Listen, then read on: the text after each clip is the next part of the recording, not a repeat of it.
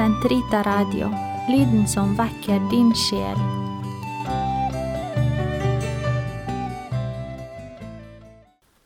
Den katolske kirkes katekisme, uke 6, torsdag, paragraf 1135 til 1144.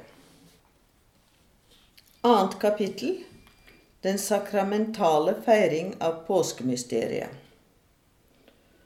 Liturgiens katekese forutsetter i første rekke at man har forstått den sakramentale økonomi, som var første kapittel. I lys av denne kommer det nye i feiringen av den frem i dagen. I dette kapitlet skal det derfor dreie seg om feiringen av kirkens sakramenter. Gjennom de ulike liturgiske tradisjoner skal vi ta for oss det som er felles i feiringen av de syv sakramenter, det som er særegent for hvert enkelt av dem, vil bli fremstilt senere. Denne grunnkatekese i feiringen av sakramentene vil gi svar på de grunnleggende spørsmål de troende stiller om den. Hvem feirer? Hvordan feire? Når feire? Hvor feire? Første artikkel å feire Kirkens liturgi. Hvem feirer? Liturgien utføres av den hele Kristus, Kristus totus. De som nå feirer den hinsides tegn, er allerede med i den himmelske liturgi, der hvor feiringen består i fullt og helt samkvem og fest. De som feirer den himmelske liturgi,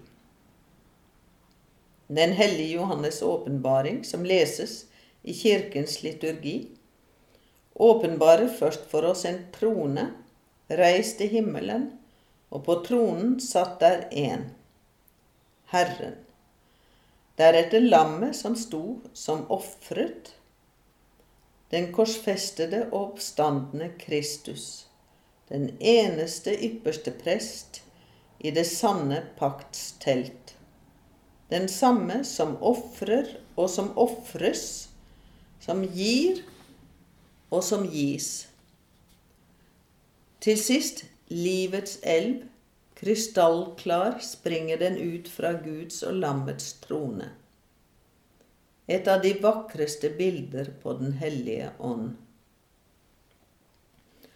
De som er sammenfattet i Kristus, deltar i lovprisningen av Gud og i fullbyrdelsen av Hans råd. De himmelske makter, all skapningen, de fire levende skikkelser, tjenerne for den gamle og den nye pakt, de 24 presbytere, det nye Guds folk, de 144 000, særlig martyrene som var blitt myrdet for Guds ords skyld, og den aller hellige, allhellige Guds mor, kvinnen, lammets brud. Og til sist en uhyre mengde, så stor at den umulig kunne telles, av mennesker fra alle jordens folk og stammer, raser og tungemål. Det er denne himmelske liturgi Ånden og Kirken gir oss å ta del i når vi feirer frelsens mysterium i sakramentene. De som feirer den sakramentale liturgi. Det er hele fellesskapet, Kristi legeme, i forening med sitt hode som feirer. De liturgiske handlinger er ikke av privat karakter, men feires av Kirken som sådan, den som er enhetens sakrament. Det vil da si at den feires av det hellige folk, organisk forenet under sine biskoper. Og derfor angår de liturgiske handlinger hele Kirkens legeme, som de gir til kjenne og virker inn på, med hensyn til den en, dens enkelte lemmer, berøres disse av dem på forskjellig vis, alt etter vigsel, funksjon og faktisk deltakelse.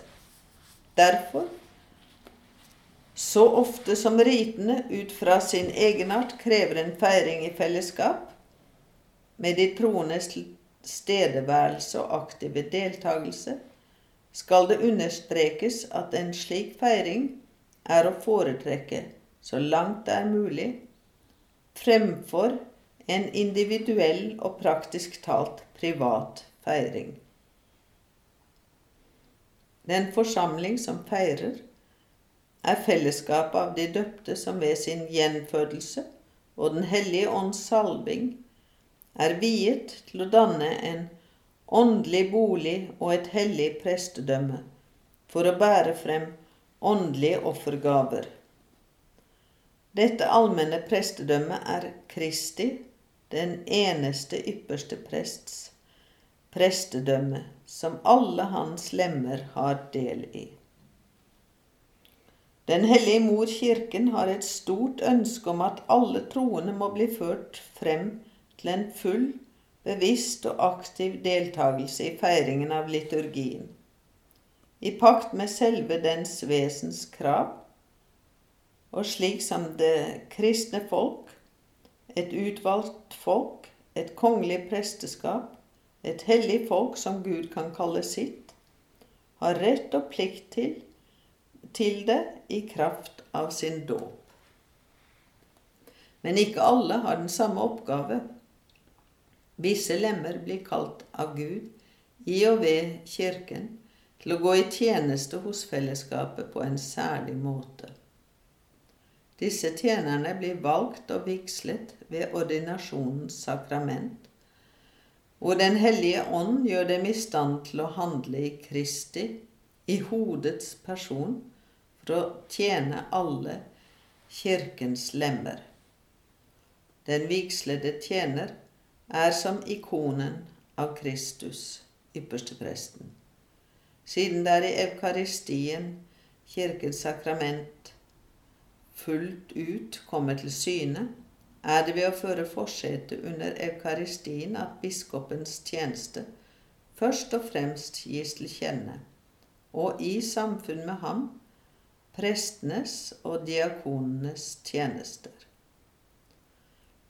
For å stå til tjeneste for de troendes allmenne prestedømme finnes det også andre særtjenester som ikke er vigslet ved ordinasjonens sakrament, og hvis oppgave fastlegges av biskopene, alt etter liturgiske tradisjoner og pastorale behov.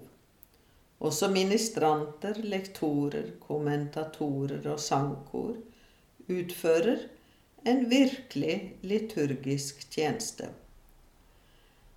Slik er det hele forsamlingen som er liturg i feiringen av sakramentene, hver med sin oppgave, men i Åndens enhet som virker i alle.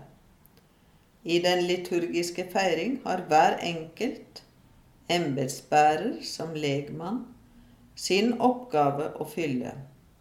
Han skal da utføre det som tilkommer ham, ut fra sakens natur og de liturgiske regler.